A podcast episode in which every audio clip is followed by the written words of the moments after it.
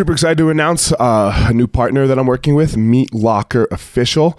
They are a meat company. They ship um, all kinds of meat. Go check out their white web website, meatlocker.com. It's uh, it's amazing, man. Let me tell you, the bacon. The bacon's the best bacon I've ever had in my life. All the other meats are very good. I had a nice ribeye the other day, chicken breast, all kinds of stuff. The the the steaks and the bacon though, mmm, for sure the best bacon I've ever had in my life. Meatlocker.com. Type in the code name Easton 2019. E A S T O N 2019, and you will receive 15% off of your order. Um, again, meatlocker.com. Get some bacon. Evo Labs, uh, Evo Labs products. Um, man, I love a couple of Evo Labs products that I like to use. I like to use their uh, skin repair and intensive salve. Man, the skin repair is amazing for when I get like these little abrasions on my skin and we uh, and you know you you're always worried about like whether you're going to get an infection or not or how it's going to heal. Skin repair evo labs skin repair. Go check them out evolabs.com and then two their intensive salve okay? Again this is for like a little bit of soreness after i train at the end of the day. Rub it all over um, like especially like my upper back and my arms then my legs. Love it. Again evolabs.com uh, I do also like their meditate. It's a it's a CBD pen where um, you know at the end of the night it helps me calm down, go to sleep, especially after like uh, intense training during the day. So um, those three products are three of my favorite products from Evo Labs. One the the skin repair, two the intense salve, and three the CBD pen. The Gospel Fire also brought to you by Onnit, O N N I T. Um, go to their website and man, go check out their products. Code name is Eliot. You put in Eliot E L I O T, and you will get ten percent off all of your Onnit products. I personally like the Alpha Brain. Uh, that that is my favorite product, and every once in a while I like to use their Shroom Tech as well. So those uh, those two products are my favorite from Onnit. So again, Evo Labs guys at evolabs.com and Onnit O N N I T. Um, check them out. Thanks for the support of the podcast from those guys, and uh, hell yeah, let's get after it.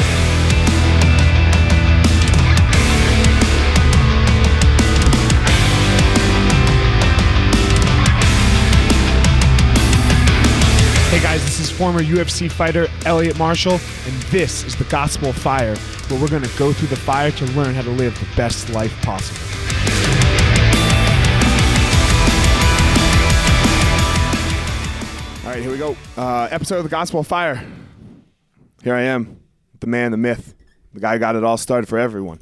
What up, man? How are you? Ah, what up, Eliot? Thanks for having me on. Thanks for coming on. I always forget about you because we talk so often. you know? I hear you. and I'm and and I know all you like we know each other's stories so well. Like it's not like new news to either one of us about like our our lives. True story. Hours of boredom. Uh, you know, hours hours in hotel rooms. Yep. Yep. Man, so uh, I've come up with this verb, right? Amaling, because there's no one, and everyone that I tell it to that knows you, They like is exactly like what you're talking knows about? exactly what I'm talking Oh, about, right? They know exactly what I'm talking what I'm talking about, and they're like, "Man, that's the best thing ever," because it's so true. But like you Amal, but you make your Amaling like benefit. Uh, you know, we're sitting here in our school. You know that you started in 1999, and now that we have like seven of them with thousands of students, and all you really did was Amal. I mean, I was raised a feral child, so somehow things turned out. You know, perspective was different. Yeah, so let, I mean, like, tell, tell the world what how how did we get here? I mean, where do I start? You tell me, man. I don't fucking know. In the teepee. I yeah, yeah I don't know. My parents kind of we we I grew up in a well, I didn't grow up in a teepee, but when I was born, we lived in a teepee. My parents moved out here from back east, and they uh, they kind of decided to be off the grid. It was the uh, you know late '60s, early '70s. I was born in 1970, and so uh, when they moved to uh, New Mexico, they didn't have jobs. They just wanted to kind of live off the land. We lived literally in a teepee. There was a lady with a bunch of land, and she said, if you you know if you build a house here or set up your tent and have kids, that you can have part of the land.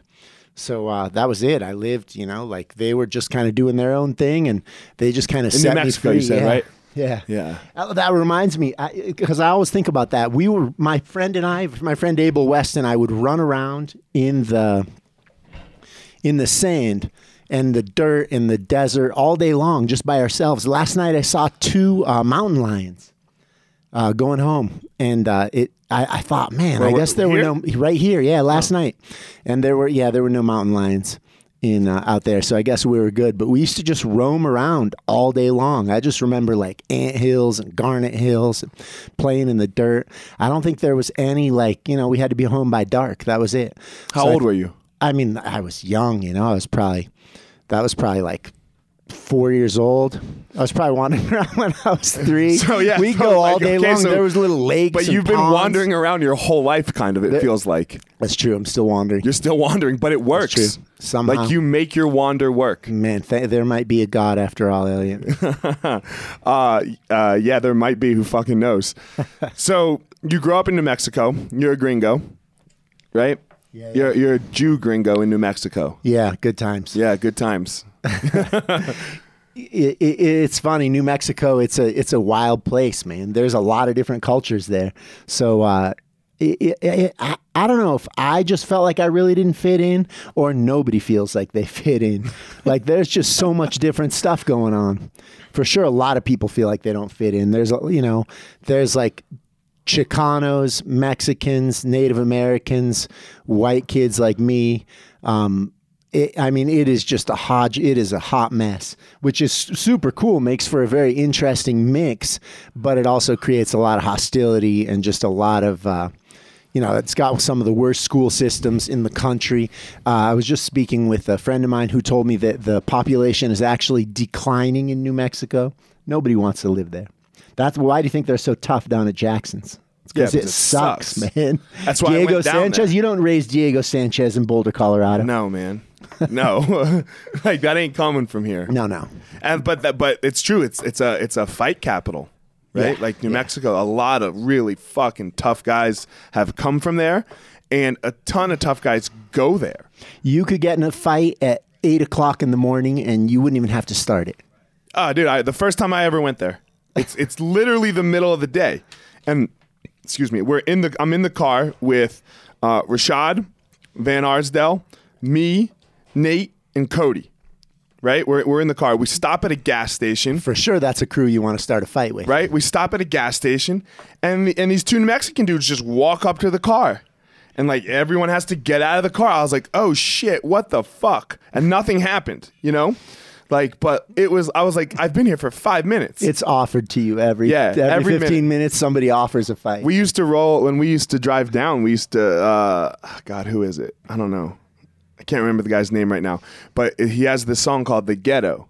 And right when we were like driving into Albuquerque, we would always like put that song on, but it's like it's the fucking. It was like, li- and we stayed in the most shitbag hotel Good you could stay in. You know, You- you have to have that experience. yeah, and I like even when I got a little more money, like when I was fighting in the UFC, I would still stay in that shitbag hotel because I like wanted it to be the same. I wanted it to be like awful.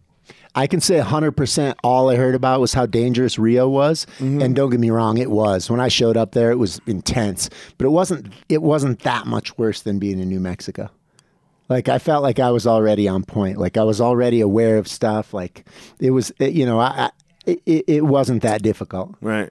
I mean, it was. Don't get me wrong, a lot of stuff almost happened, but nothing happened. So you I ended would up- always be like, I'm going to go left instead of right because Right. I was used to doing that my whole life. You you you naturally you naturally have this instinct of how to keep it pretty safe. I, th- I think I just like if you hang out with me in certain, I'm like always trying to decide left or right. Like I think I'm just a little bit like on alert all the time, just because that's that was how it was.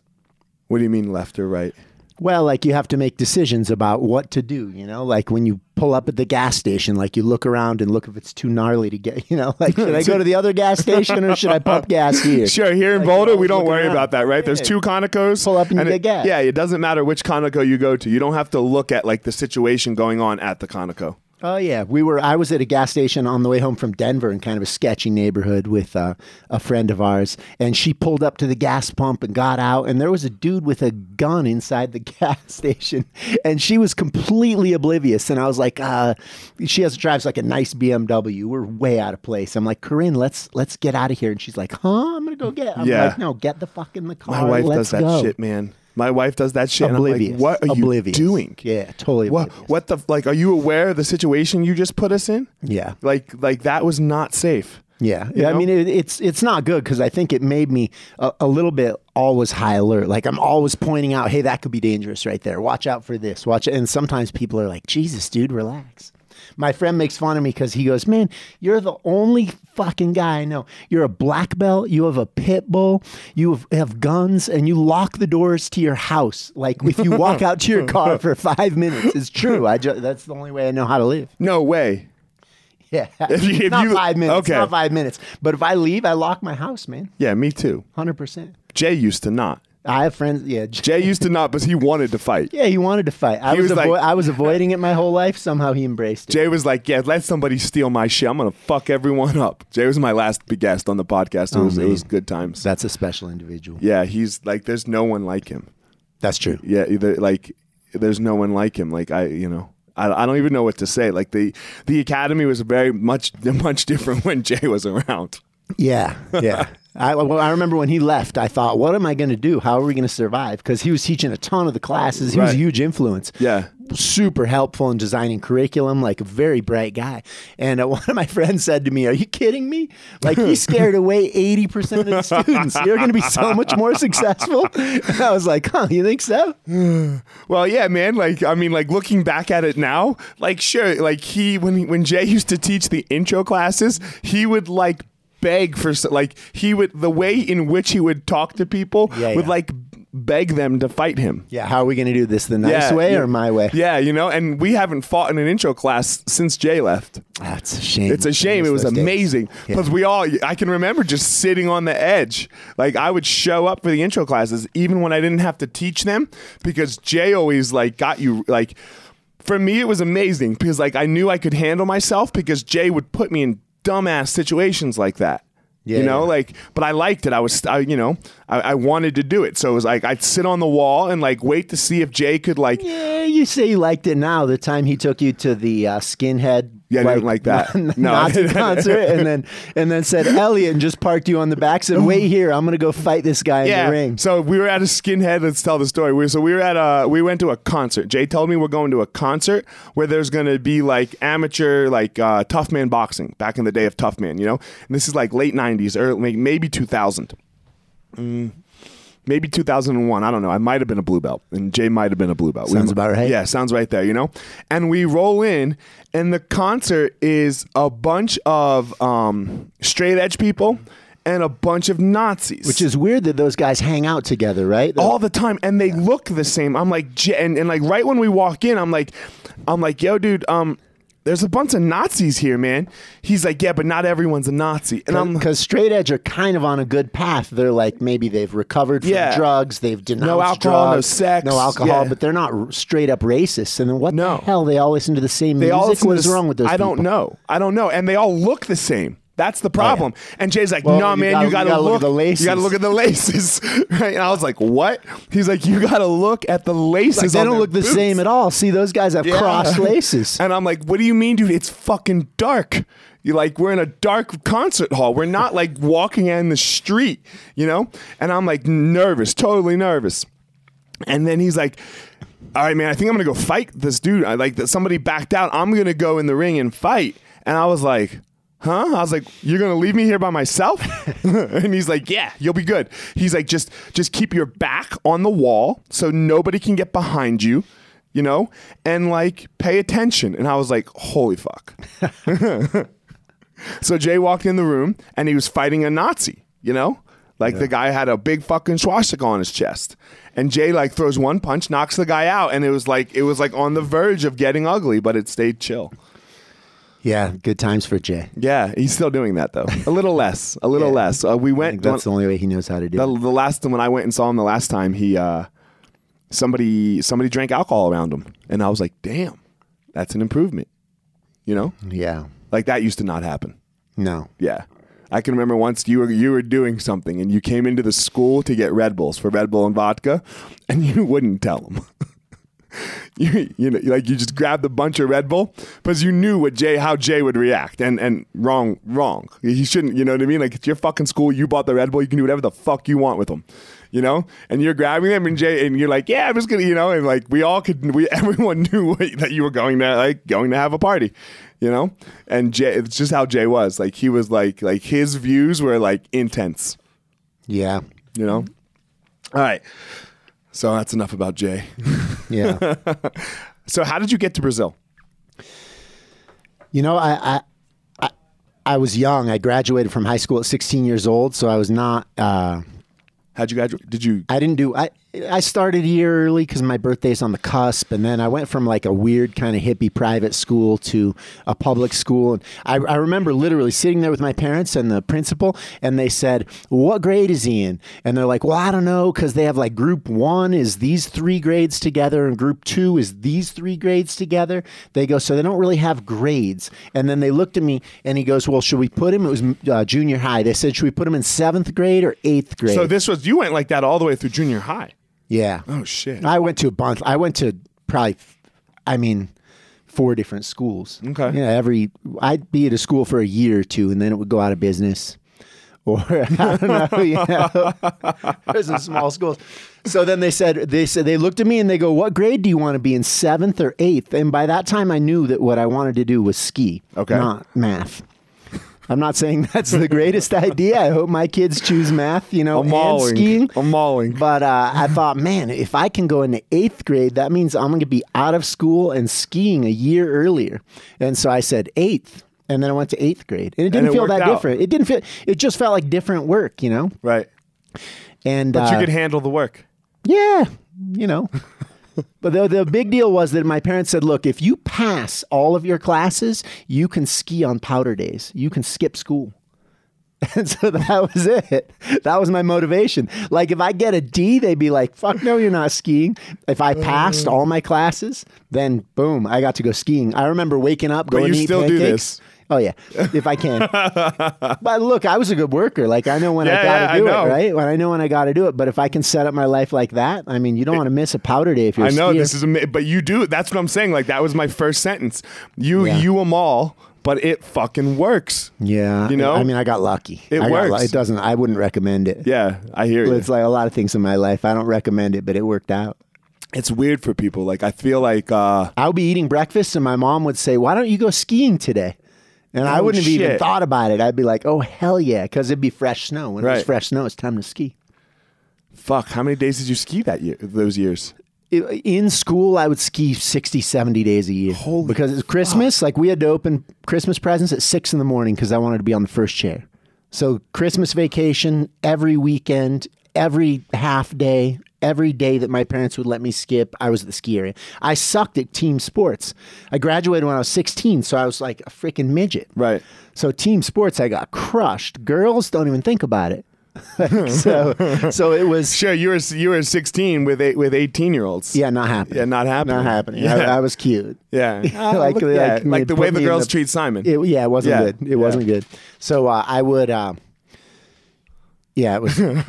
That's funny. so I sucked at team sports. So I ended up doing individual sports. I found skiing, and I, I, I had a knack for it right away. Like I always had good balance and coordination.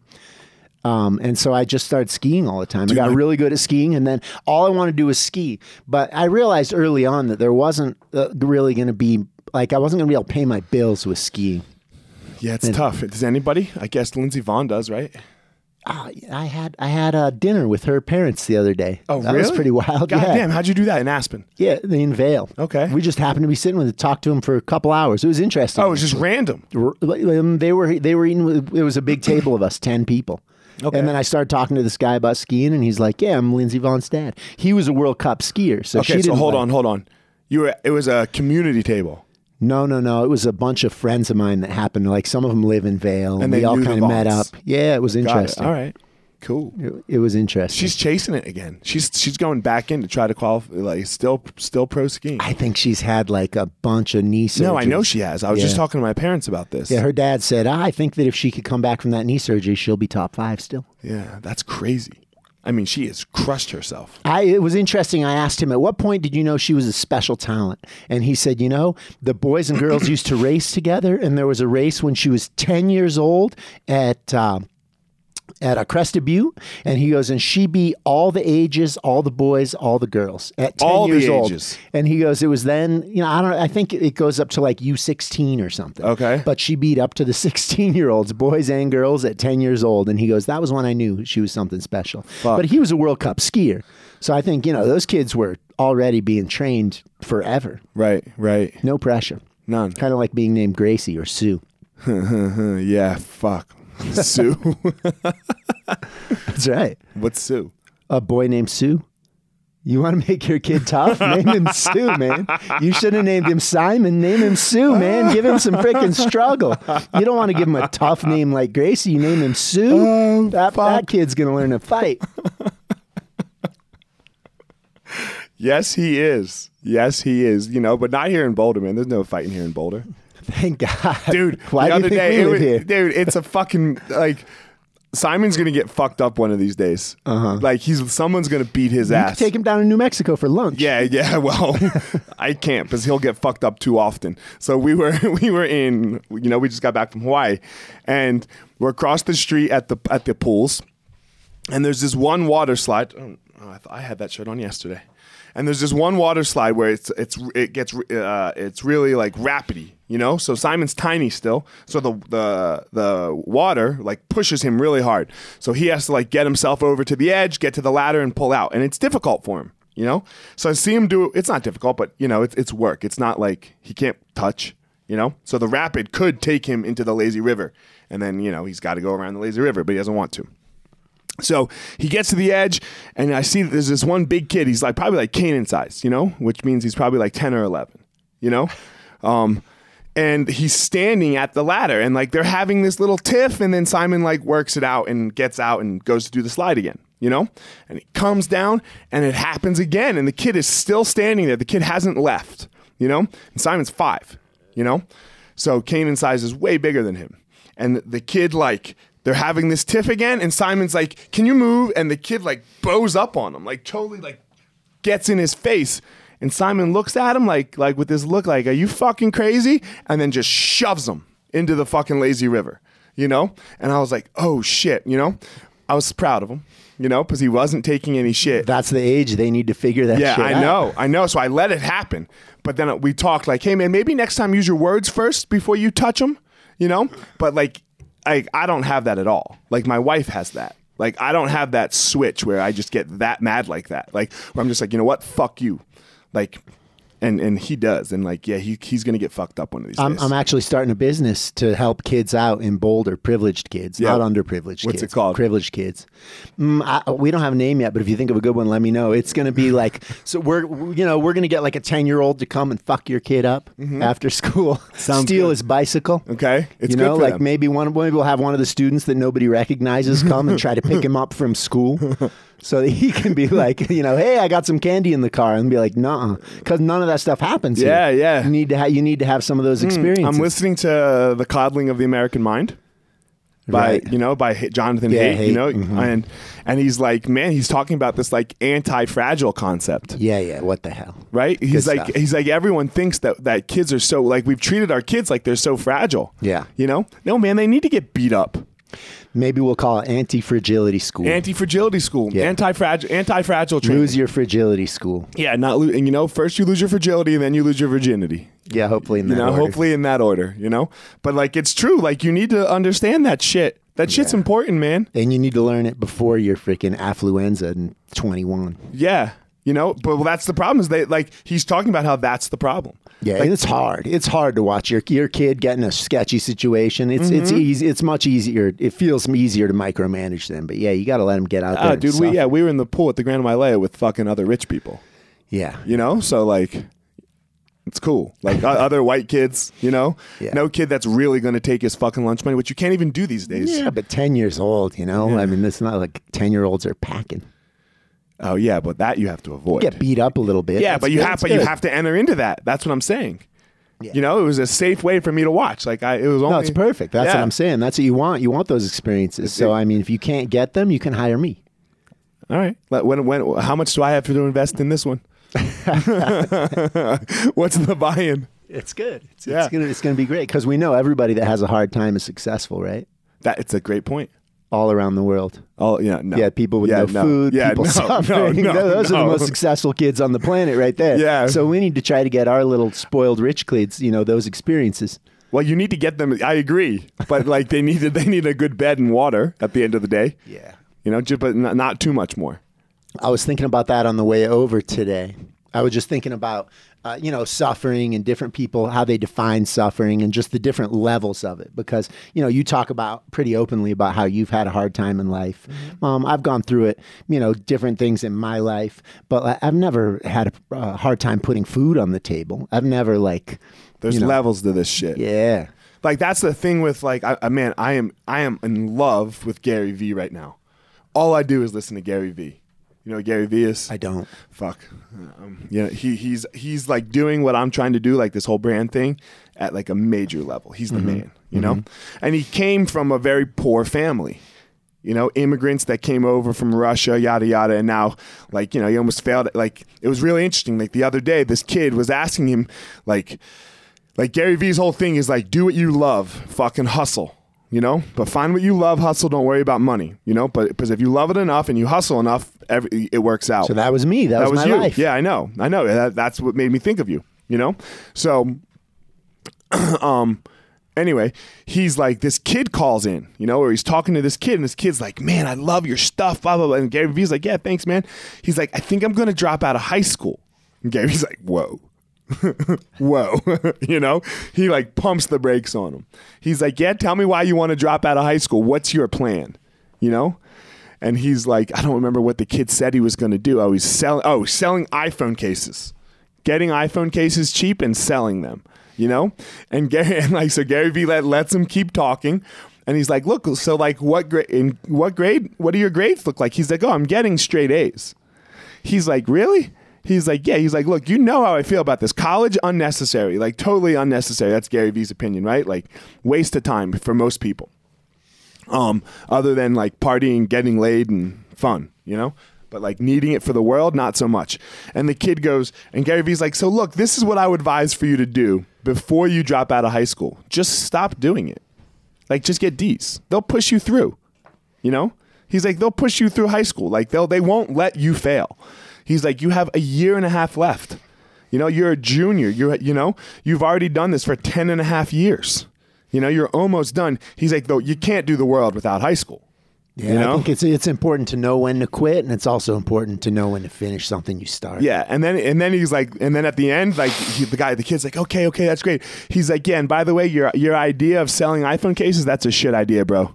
He's like, he's like, don't do that. You got to do something special. And and so anyway, it was it was a interesting thing like to listen to because like his whole thing is like anti like. He's like everyone has a chance because we have the internet. Look, that whole college thing is an interesting topic for me, maybe because I have kids right in that age range. I have my parents my parents didn't want me to go to college. Not like they didn't want me to, but they said, "Man, we're not going to if you know what you want to study, cool, but we're not going to waste our money on you just to go through the motions."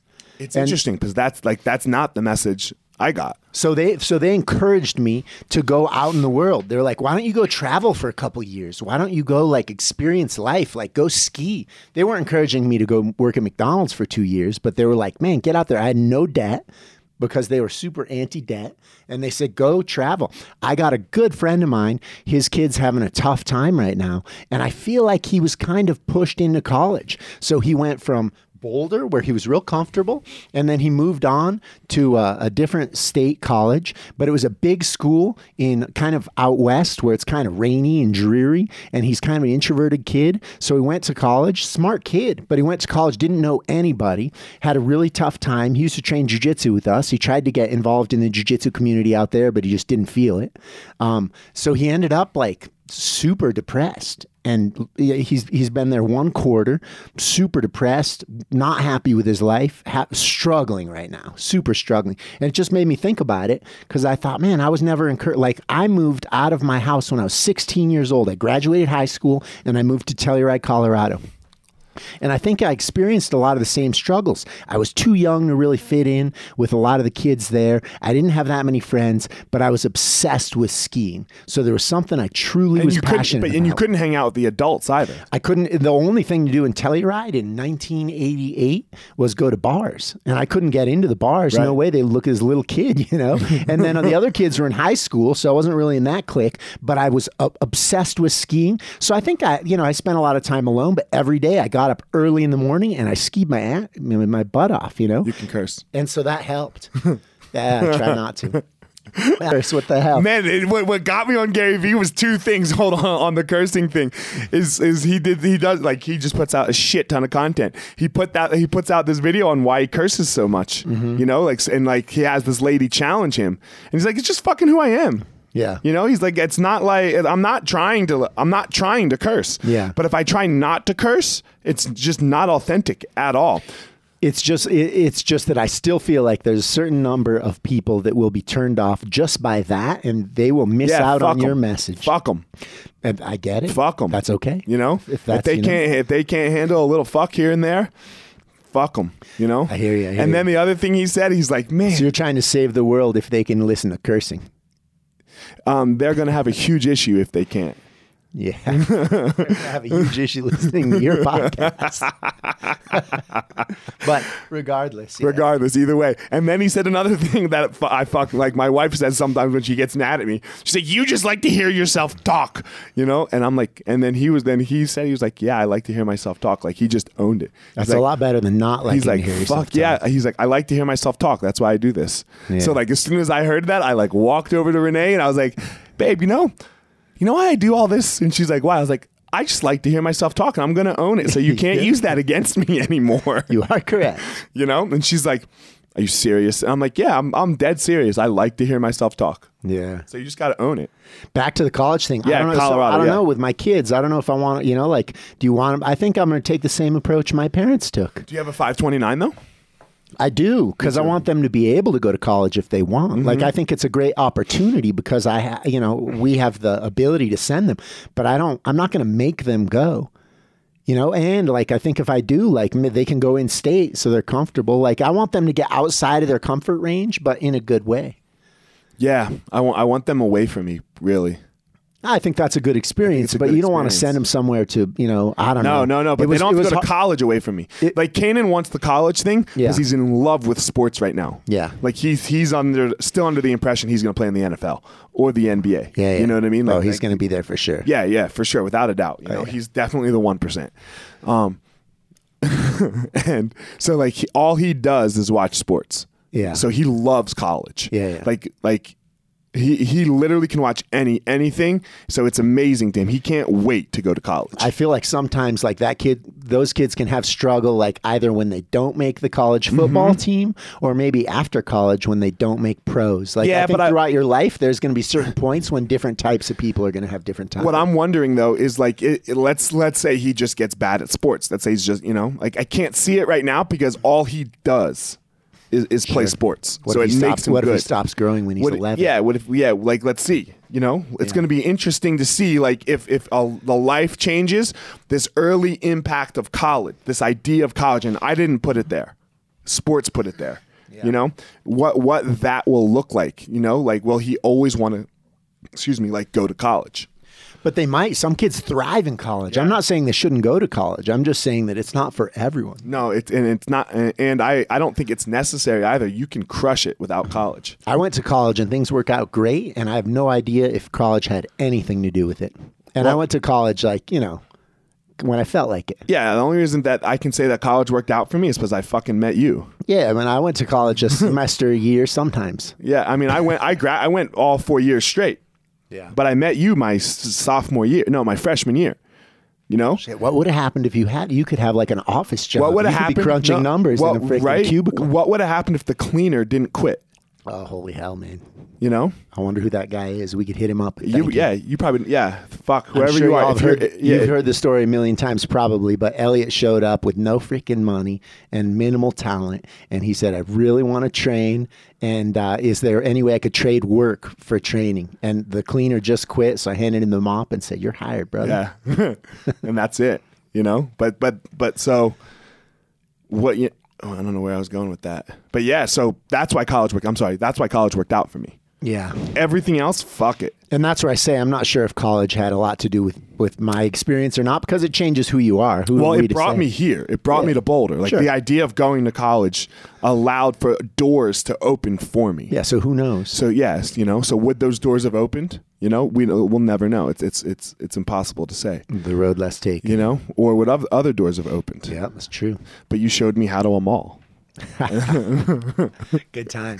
It was amazing. It was it was great. Yesterday, Mike sent out a a text right that was like, "Hey guys, I need your uh, addresses, uh, social security numbers, and birthdays." And then I sent mine, and then all he responded with, "Okay, what's Amal's address again, real fast?" And then I sent yours because I know your address well. And you didn't respond for like 20 minutes, and then you just sent like a fire and a fist, like Hell "Fuck yeah, yeah. hell yeah!" And I just responded with, "Man, that's what fucking baller is when like." Uh, when like your top people know your shit and you don't even need to respond Because they're know? done waiting for it. yeah they're done they're done because you're out of mauling you know so you were- but you were mauled to Brazil Yeah. So mm, I was tell into, the I was into all those individual sports mm-hmm. and you know, kayaking was one of them because we got to get to the kayak story crazy- Renzo told this story yeah. bro oh my god I was yeah, I was out of my mind. Kayaking and skiing, and then I just like I was obsessed with Brazilian Jiu Jitsu. The first time I tasted it, it was amazing. And so I decided to sell all of my stuff. I mean, I sold my hang glider, I sold my kayaks, my mountain bikes, all my stuff, and uh, I moved to Brazil to learn, you know, Brazilian Jiu Jitsu. have you traveled a lot at this point A fair amount. so you were fair amount. comfortable traveling Yeah, I was Like- pretty comfortable. Like I'd been all over Mexico. I, you know, my my my grandpa, my grandparents used to travel a lot. Okay. They took me to Africa when I was like twelve. You know, it was a pretty posh trip, but you know, animal safaris. Just, Sure. But uh, I'd traveled a fair amount. I'd been, you know, we would drive down to Mexico with my dad and spend three weeks during Christmas, camp out on the beach. I was very comfortable in different languages, and plus, I went down to, you know, I had friends in the barrio in Santa Fe. so yeah, um, so you like this wasn't like like for so for me to like pick up at 18 or how old were you when you went to Brazil Brazil was later because I graduated from college. I, I went to acupuncture school. Okay, that's right. right, I went to right. acupuncture school. I was 25 years old, and I was either going to go to China and like work in a hospital, but I wasn't that stoked. Like all my professors in acupuncture school, man, talk about bland. It was terrible. So I, I couldn't really fathom moving to China because it wasn't a very interesting culture to me right? Lots of people loved it, not me. Um, or Thailand, because I was obsessed with Thai boxing from the time I was little, you know, until then. And then, but I'd been training jujitsu for a couple of years. And so the other idea was Brazil. And, you know, I was aware of the Gracie family. 93 was the first UFC. So, I, you know, I'd watched that and I was just obsessed with that. I, I- it got to the point where I couldn't ask people about it anymore because all anybody would say about Rio was how dangerous it was. And I was going, I had my mind made up.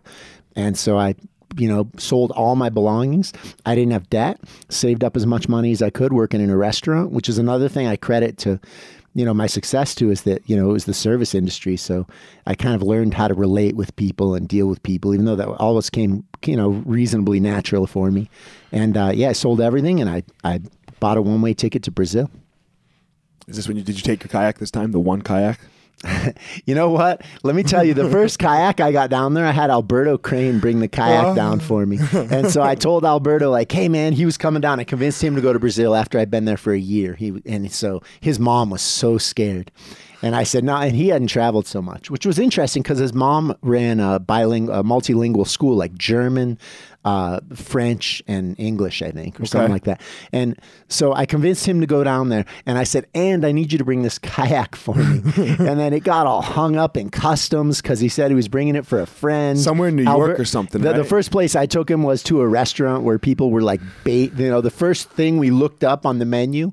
Like in the dictionary, Oh, said lizard. Yeah, And I, have this he story a- too, Alberto. Al- look, Alberto. I, I have this story too. Alberto's like Alberto's a very uh, he's what now he gets out there, but back Yeah. in the day he was a pretty you know. Uh, sh- he, he seemed kind of sheltered, man, and and he got the crash course in Amal. I want to clear something up real fast before we get back to the kayak. But I was talking to Casey. Casey, uh, when when we were in Hawaii, you know, Baby's mama. baby's mama. Um, they ended up in on liter- literally like down the street from me in Hawaii when we we both spring break there. And I want to clear up the Chili's thing. Okay, I don't like chilies. I've never liked chilies. You took me to a mixed fish soup Mexican restaurant place with dogs running in it after I cut seven pounds. Right? I just wanted something like normal to eat, not like I couldn't read the menu. So I get this lizard thing with them all. Right? and like, so after I watched you eat, I was fucking starving. There was a Chili's next door. So you were like, all right, man, you didn't eat. Where do you want to go? And I was like, just let's just go to fucking Chili's because at least I know what I'll get. And from that day forward, you thought I loved Chili's. I fucking hate Chili's. I'm still not sure I'm buying it. No, I think- man. I think all I think the places you like to eat were like Denny's, No, Chili's. Like now you're a big foodie. You're Yeah. all into cooking. Uh-uh. Like I, I appreciate your taste in food now, but no, I don't man. know, man. I ne- the only reason that my friends and I went to Chili's was because my ex girlfriend would serve us drinks, right? Because she worked there. I, I don't like Chili's. Look, if anybody wants to make Eliot happy, buy him a gift card to Chili's. Don't listen man. to this shit. For for years, I've been hearing all, all you want to do is go to Chili's, and no, I don't ever want to go to Chili's unless I'm starving and and I can't read the menu. What you need is an out of business Taco Bell that's been taken over by, By you know, by Mexicans. Mexicans, and they they have like so they serve maybe a good fish stew. Yeah, That's yeah. what you need. Yeah, we go to this restaurant. I just cut seven pounds, and we and Amal's like, ah, this place, and I'm like, this. So this is part of Wait, Amal. that, that was the first Gracie tournament, right? That was the first Gracie tournament. What a Whoa, great how tournament. did you do with that tournament? I won. Yeah, thank you. I went to Brazil for the There you first go. You time. see I, Mexican fish on, stew, baby. Hold on. This is what I'm saying. No, this is Amaling, and he makes it work out for everyone somehow. like not just himself, everyone. So we we go, and it made can- you just the right amount of uncomfortable. yeah, yeah. I had to sit there and watch him eat this food. You like, had one taste of I this. had one taste Yeah. of mine, and then I asked what it was, and you said it's mixed fish soup. You said this is pretty good. What is it? no, no. You, you said no. you go, you go. I go. What are you having? And it was all in Spanish, and nobody spoke English. And there's dogs he's like, in the restaurant. I don't know what there's it is. dogs running He in goes, the well. I'll just have what you're having. And I was like, sweet. I'll have two mixed fish soups. No, you Spanish. order in Spanish. Yeah. Yeah. you didn't say in English. And then they put it down on the table, and you took a sip of it, and you go, "This isn't bad. What is it?" I don't remember that. that was the last bite. I last "Mixed bite. fish stew," Because I go- haven't eaten in 30 hours. Right? I've had Yeah. nothing in 30 hours. Man, you get the power of the fish in you. Fuck yeah, man! Go and then I, I fucked everyone up that tournament. That's right. And then I went. And then I went to Brazil. Oh man, I took second. What's that? I, I didn't. No, no. No, you took were a black third. I took third. No, you won. No, because Nino took first, and then I lost to uh, Yeah, but the black Earl. belts weren't going. No, the black yeah. belts didn't get a trip. The black belts was was money. and that that was where I got that picture right Yeah, there. Yeah, right there, with, uh-huh, with Helio. Gracie putting the third place medal around. Yeah, but and Sala won that tournament. Remember him and Gabriel Vella? They went for they went for an hour and twenty was- minutes. That was a different way. Yeah. fuck. A Yeah. lot of the matches were pretty boring. The that was why. That, were. that, that, yeah. You know, Yeah. because they just played so conservative, Well, and they're good, man. and they're good. Yeah, for sure. They're they're they're both very. Everyone's very good. yeah, I remember people started. Yeah. We yeah. It was it, it wasn't the most exciting, but I was fucking fun. That loved was a it. fun tournament. I fucking loved it. I went every year, Walk out there and not worry about getting not taken worrying down. about Hell anything. yeah. It's my style.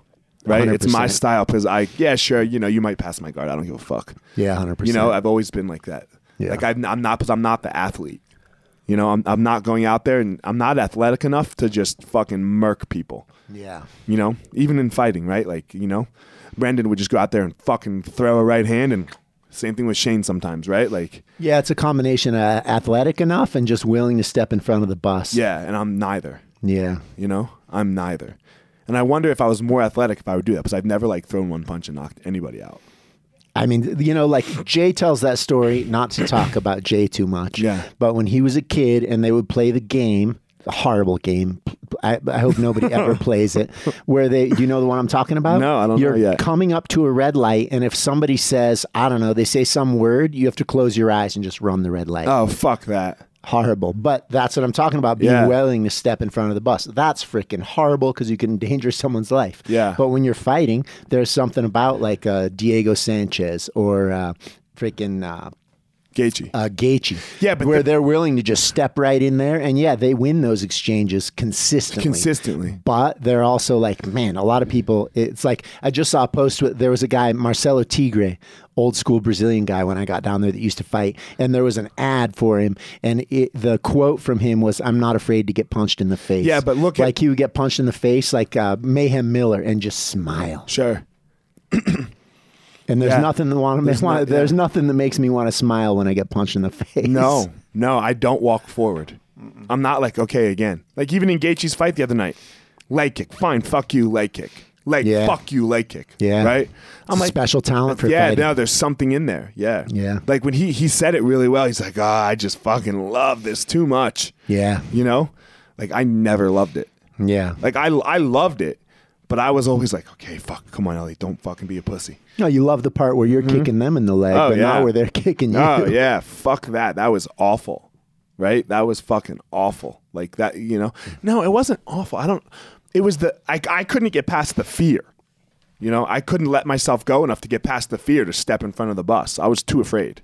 Yeah. You know, I, I never let go of that fear. But that's self-preservation. There's Mm-hmm. something, you know what I mean? There's there's probably a reason that your lineage is here. I don't know how how someone else's is, but like, you know, being conservative like that maybe helps you live and maybe in some situations it helps you, you know, being just everything, you know, sheets to the wind lets you live too. I don't know, it's hard to say. I don't know. It's interesting. Like Cowboy posted a picture the other day of him dead. You know, like somebody took a picture of him dead and his mom standing over his body in the hospital before they like, like right when he died, and they had to come. They were like rushing in to bring him back. What do you mean? What happened? He died. He like got into a motorcycle wreck. Oh, really? His guts came out. What? When? Uh, like way back or recent? like ten years ago. like we shit. knew him. Yeah, yeah, we knew. I wonder him how many times he's died. twice. I mean, that we know of. Yeah, you know, yeah, you know. Cowboy lets it loose. So like how like you know how many? I think most people die. You know, Once. well, yeah, once, and that's it. Yeah. Like I don't think you get get to be br- brought back that often. Yeah, we're not cats. You know, Mm-mm. you know. So like you know, cowboy sheets to the wind, Yeah. right, and it works for him. Yeah, he, he does it as well as anybody. He does it better than right. Yeah, and does he make it to fifty? I mean, I don't think he's worrying about that. He's got a kid. I, I yeah, maybe he'll change. No, he doesn't. He went fucking die. He almost died scuba diving last year. Yeah. Got stuck. I mean, I have a little bit of that with extreme sports. I did it last weekend in Telluride. Yeah, you have a little sh- bit of it. yeah, You don't. Yeah. Oh yeah. a little bit, not like that, but I. But you're not going to go down that chute again. Yeah, probably not. Yeah. Yeah, I'm all there's, there's less of me that wants to go in there again than there was 30 years ago. Yeah, well then how about five how about a week ago? Yeah, a week ago, I still thought this would be a good idea. When I got in there, I was like, what am I doing? But part of me wants to go back. Yeah. But I still think I can be the champ. Yeah. but then then you know, every morning I wake up and when I like, you know, I do my thing where I meditate and then I say DBAB and I'm like, man, I could fight. you know? And then I'm like, ah, fuck it. So that's normal. There's a, it's just Yeah. what percentage of you Yeah. says I'm going back and what percentage of you is like, yeah, that's a stupid No, it's idea. fucking stupid. yeah. Yeah. You know, I, you know, and but I think more people that throw sheets to the wind go back. Yeah, I mean, there's something about getting older that makes you conservative, Mm-hmm. and and that's you know, thank God that people are young and wild because otherwise, you know, the world would just be stagnant. and then Those there's the Renzo. that change it. Then there's Renzo who goes And back at Renzo. 51. 51. Fuck right? it. 51. Yeah. I think every retired fighter was like, "Oh fuck yeah." Renzo's going to be for this yeah, until he's yeah, freaking he's 100. Yeah, until it's over, you know? Until it's over. But that's, you know, that is what is amazing about Renzo. Yeah. You know. Just the way he looks at life is Uh-huh. unique. when did you met, meet him? When you first went down there? Man, I mean, I tell that story all the time, so I don't want to bore people if they've heard it before. But I showed up in Brazil. I'd been there a week. I was i there was a bunch of professional fighters down there trying to, as it se- as it felt like people felt like they were trying to steal jujitsu from them. So people were very closed off to foreigners. I was sitting on the mat w- by myself. I just watched Renzo fight on TV in the World Combat Championship, and he walked in. Everybody ran up to him. Renzo, Renzo. He was telling a story, and then he looked and saw me sitting on the far side of the mat, and he goes, "Who's that over there?" And they said, "Like, ah, it's just some gringo."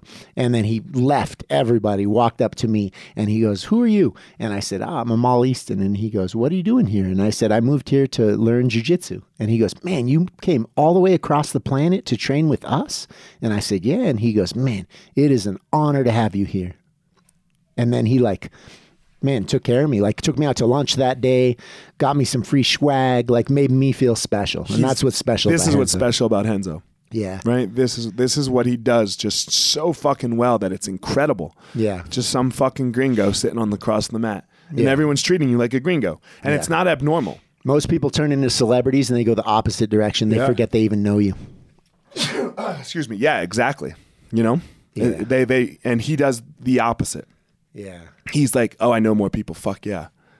You know? And and I tell you, like in my opinion, being around him and seeing that attitude makes me want to be more like that. The last time I told this story on a podcast, somebody came up to me. It was like this seventy year old that trains with us, and he walked up and he goes, "Man, I listened to your podcast the other day, and I heard your story about Renzo. And the first time you met him, he goes, and let me tell you, that's how I feel when I walk into one of your academies, and nothing could have been a bigger compliment to me." Yeah, it's amazing when you get those stories, right? because nothing and, and and I do it sometimes. You get like a lot of people talking to you or whatever, and you maybe you know they say wars are started over like not shaking someone's hand or acknowledging somebody. That makes me feel horrible.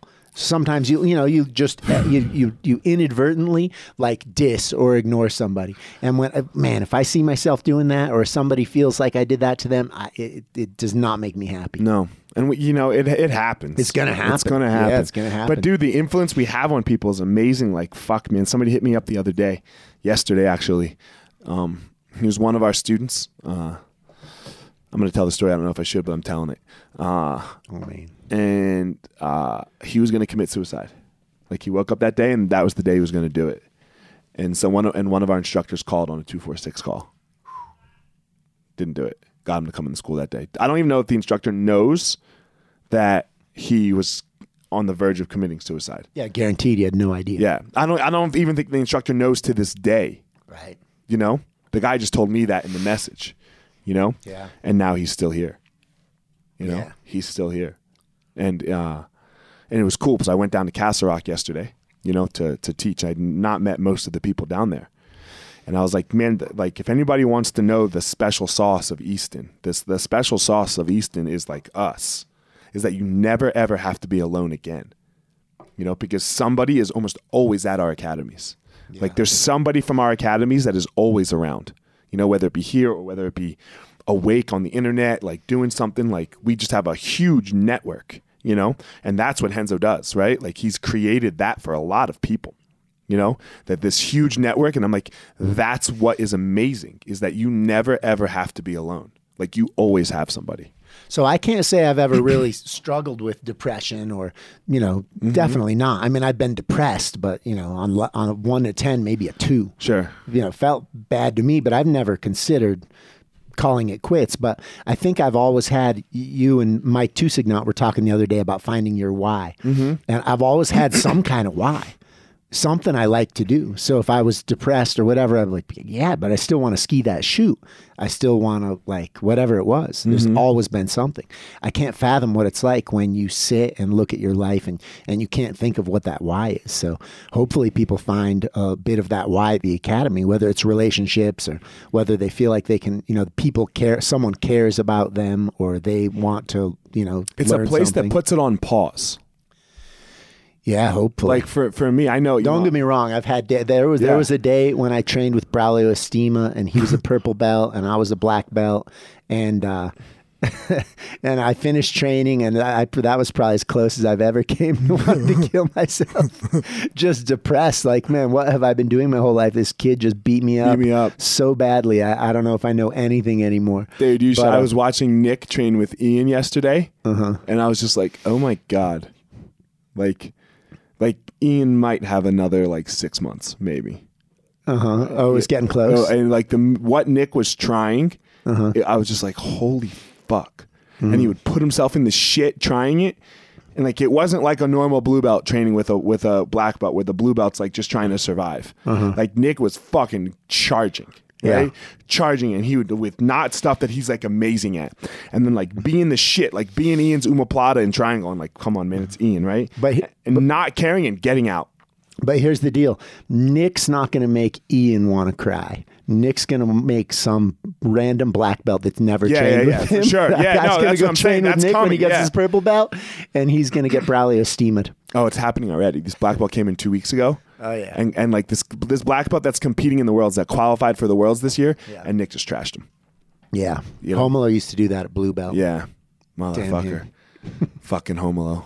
That that time in Santa Barbara when we were pushing each other. Uh-huh. You remember that, right? In the Like, line? In the line, Yeah. waiting to weigh in, and he cut in front of us. Yeah. and we'd been there for like five hours, and I was like, no, and we're like push, like bumping, bumping, and shoving each other back and forth. And then we had to beat, each- compete against each other. That was a serious line, though. To be Yeah. fair, like we sat in that line for, and which I mean, I don't know who that gives the right to, but we sat in the line for seven hours waiting to weigh in Mm-hmm. Waiting the day in. before the tournament. Yeah.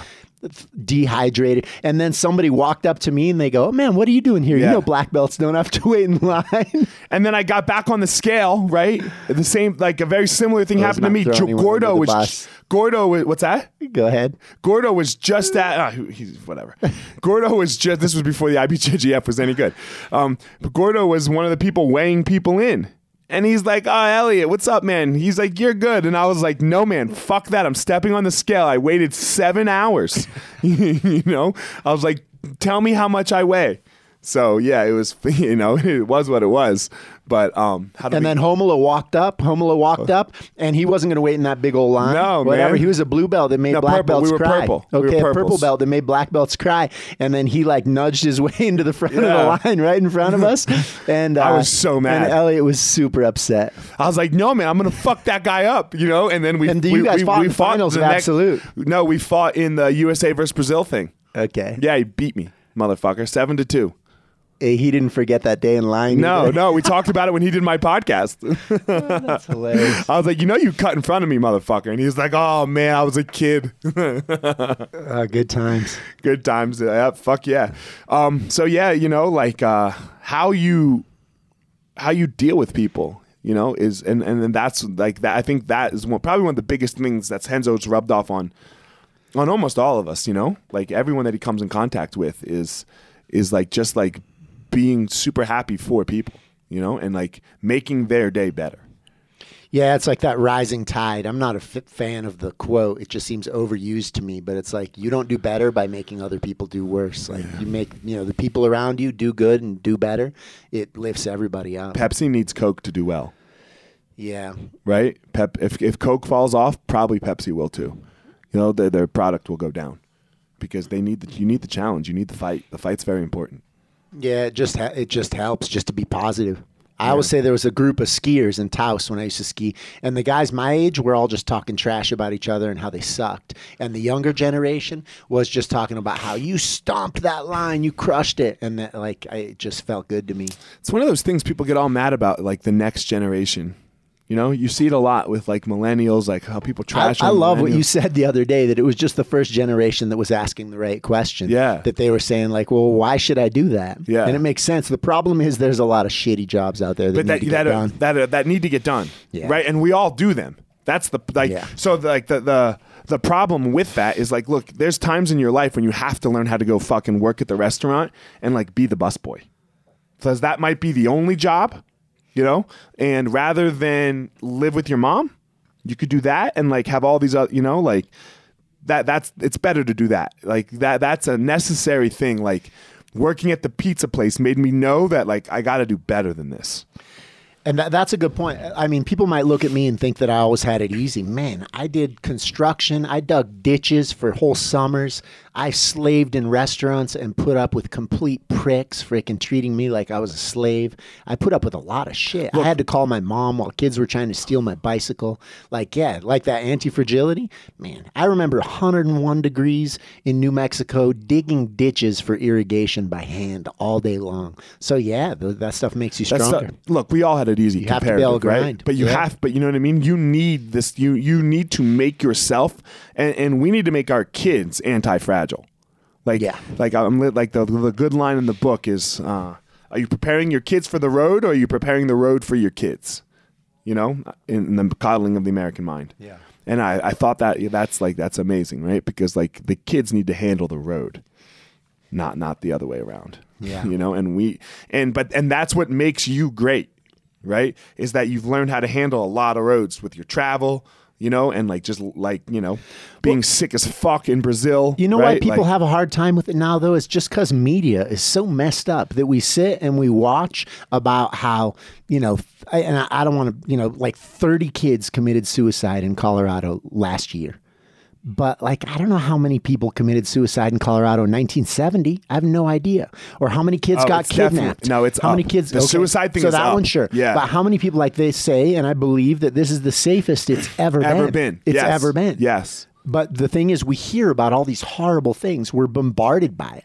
Like people have to come up with new news every five minutes. And it's breaking. It's all breaking news. but, like but- breaking but news. 50 people yeah. come out with the, the, the you know their own article over the same story. Right, so but you hear about it so much, you start thinking that it's. I think the blows a lot of stuff way out of proportion. way out of proportion. Way, and, and and and like man, you like the twenty four hour news cycle. Like you back like when we were kids, when we were growing up, six o'clock was like local news. Six thirty was national news. We got five minutes, you know. Um, Six thirty was national news, and then eleven o'clock the late night news came on. Yeah, now you twenty four seven. You can hear about the same three things You know? from eight, 50 different experts. the same yeah and it's not healthy it it, it, it just uh it just reconfirms you're you're already laid in confirmation bias you know like your your i'm sorry your cognitive dissonance you already feel this way and it's like i'm right i'm right i'm right look how bad look how bad look how bad I mean, I'm guilty of it too. I, Yeah. So I told you I locked the doors at my house. You know how many times my house has been broken into Never. since I moved to Boulder? Zero. zero Oh no, back in the day, it got broken into a lot. boulder no, in Santa Fe. yeah you said since you moved to boulder since I moved to Boulder, none. none yeah Yeah. yeah i mean i lock the doors at my house too that's just there's, there's things to do to not ask sure, I trouble. agree. I still lock my doors, but Yeah. I'm saying like you worry about stuff that's ridiculous. Uh huh. Like I, I had to get over worrying about my kids and walking to school. Mm, So this is crazy. It went all over that next door Boulder or whatever. Okay. The other day that there was a blue van that pulled up to a kid and tried to get the kid to get in the van and the kid ran away. And, and you think, oh, crazy. That was my best friend's kid. There's like, yeah, that was my kid. And then everybody was kind of freaking out about it because the guy said, Hey, like, I'm an Uber driver. Get in the car. I'll give you a ride home. And the kid took two steps back and then ran home. He acted perfectly. Yeah. And everybody was kind of all freaked out about it. And I understand it. Like, I get it. But at the same time, like, I, for me, I had to look at it the perspective of, you know what? Like, I got to talk about that experience with my kids. Back in the day in New Mexico, I think stuff like that happened to me on a weekly basis, probably a daily basis. Crazy seeming stuff. We don't know exactly what was going to happen, but it was close enough to something that sounds sketchy that Yeah. it, it's it's it scares you a little bit. But everybody heard about it, and so everybody's freaked out about it. But I think it's an opportunity. Like you look at it, I got to talk to my kids about what because that it's never happened to my kids. The child abduction thing is definitely down from Yeah, where that- it was. It's not up, and we act like it's up. yeah, just because you hear about it, we all heard about Uh-huh. We it. all, yeah, and now you know, and now, like, and now, eh, like, look, uh, Amber Alerts and all that stuff is great. We need it. You know, but it it's freaks you amazing, out. but it freaks Yeah. you out. Yeah, you know, yeah, I get an alert on my phone that says somebody a hundred miles away Yeah. that a kid didn't show up from school, and it ends up being nothing. dude, we got a text message the other day. The school sent out, right? It says the school is being evacuated, Yeah, and I was like, what? yeah. you know, and then I was like, whoa, whoa, whoa. But I, and I knew Renee was like getting ready to drop Simon off at that uh-huh. time. So I called her and she was like, everything's fine, yada, yada. Like, you know, that was 15 minutes ago. Some kid threw a ball into the, into the fire alarm and the fire alarm went off because of it in gym class and they had to dude, don't send out that text message. It's this. It's the. It's it's a tough one with schools because there is some horrible. You know, people break in and yeah, shoot, but why do we? But why do I need to know that that uh, that No, the I'm- school they no, did a fire drill? I agree. I agree. What I'm saying is that there's a lot of kids in school and it does not happen. Yeah. It's not it's not like I know people that are afraid that like freak out sending their kids to school every day. And my heart goes out to somebody who that actually happens to. I can't fathom What a that would be thing. like, yeah. And I think the odds are so infinitely low. Yeah, I was. And all this stuff is At least that's what I tell Dude, myself the every Boeing morning. thing. You know, my the uh, my buddy down the street, a neighbor of mine, flies for Southwest. Yeah. Right. And all they do is fly the 737 Max eights. Yeah. Right. He's like, look, man, it's a button. Yeah. He's like, when you hit the button, he's like, look, Boeing fucked up. Boeing owns a lot of responsibility for what they do. Yeah. But if, but he's like, no offense, like all American pilots were, were trained the very best that you could be. And we know that when this thing starts to happen, like you get that little shake, you hit the button, it's right there. It's like down to my left. I hit that and, and it's fine. He's like, there's like, yeah, they needed to like do a software update. I'm not saying that he wasn't saying that Boeing, but it, it's not this huge fucking night. He's like, my phone blew up when they grounded all the the Max I, eights. I was looking for solace when there was the whole Malaysia thing and the airplane went down. Mm-hmm, and one of our students works for a major airline and flies internationally consistently. Uh-huh. And I said, "Hey, that, that's." Garbage, right? The, there's all these conspiracy theories around that Malaysia flight, like that maybe there's some kind of crazy thing that happened. Like that's crazy, right? It went down in the ocean, and dead serious, he came out with the just total conspiracy theory. I was like, "You're not helping." He was like, "No, no. The pilot, he can flip a switch, and then he can decompress. He can depressurize the cabin, put everybody to sleep." He goes, "I'll bet they're going to find that plane somewhere on some landing strip in South America." well, that's true. No, it's I talked to Rod about it. no. Might might might be Rod true, said he can knock everybody out. Yeah, that whole thing just sounds a little crazy, man. I was looking for the voice of reason, and instead I got the total conspiracy theory. Uh-uh. Oh, Rod says every every flight every flight he flies, he could put everyone to sleep. yeah, I know that's comforting. Uh-huh. Let's let's not talk to him anymore about flying. All right, we're done. That's That, that that's what Diner says. Two people he doesn't want to know, right? who. Your your airline pilot and your surgeon. Because you don't want to know that those guys could ever make mistake. Those guys, as far as you want to know, those guys are God. They don't make mistakes. Well, the airline pilot they've they've remedied that a little bit. Yeah, a little bit, but whatever. I don't want to know. You don't want to go out with your airline pilot and Yeah, like have him like do on. an extra The shot cap- with you on the way out the door. This is true, but the captain doesn't fly the plane anymore. The co-pilot does. well, then you don't want to know your co-pilot. But the captain's there. to- to nobody, fix. nobody. You don't want to know anybody in that cockpit. This is true. All right, All right. good talk. All right. Later, guys. Peace. All right, guys, thanks for listening to this episode of The Gospel Fire. Don't forget to check me out on all of my social media at Fire Marshal 205. Again, at Fire Marshal 205. Go to my YouTube channel. Um, Fire Marshal 01, that is, for YouTube, where you can follow. I'm, I'm making these videos 100K strong. That's the goal for the year. I want 100,000 strong listeners to the Gospel of Fire. So I'm making, trying to make a video a week so that you guys can follow along on my journey of, of how I go about my day, some things that I talk about, some things that I try to work on for myself. And then finally, don't forget my website, eliotmarshall.com, where you can get up to date with everything that has to do with me personally, the Gospel of Fire. You're going to find all about my book release, um, also called The Gospel of Fire, February 12th. Will be for sale on Amazon that whole week for 99 cents. So, all that information at eliotmarshall.com. Thanks again for listening. Thanks to my sponsors, Evo Labs and Onnit. So, uh, that's it, guys. Hope you enjoyed the episode.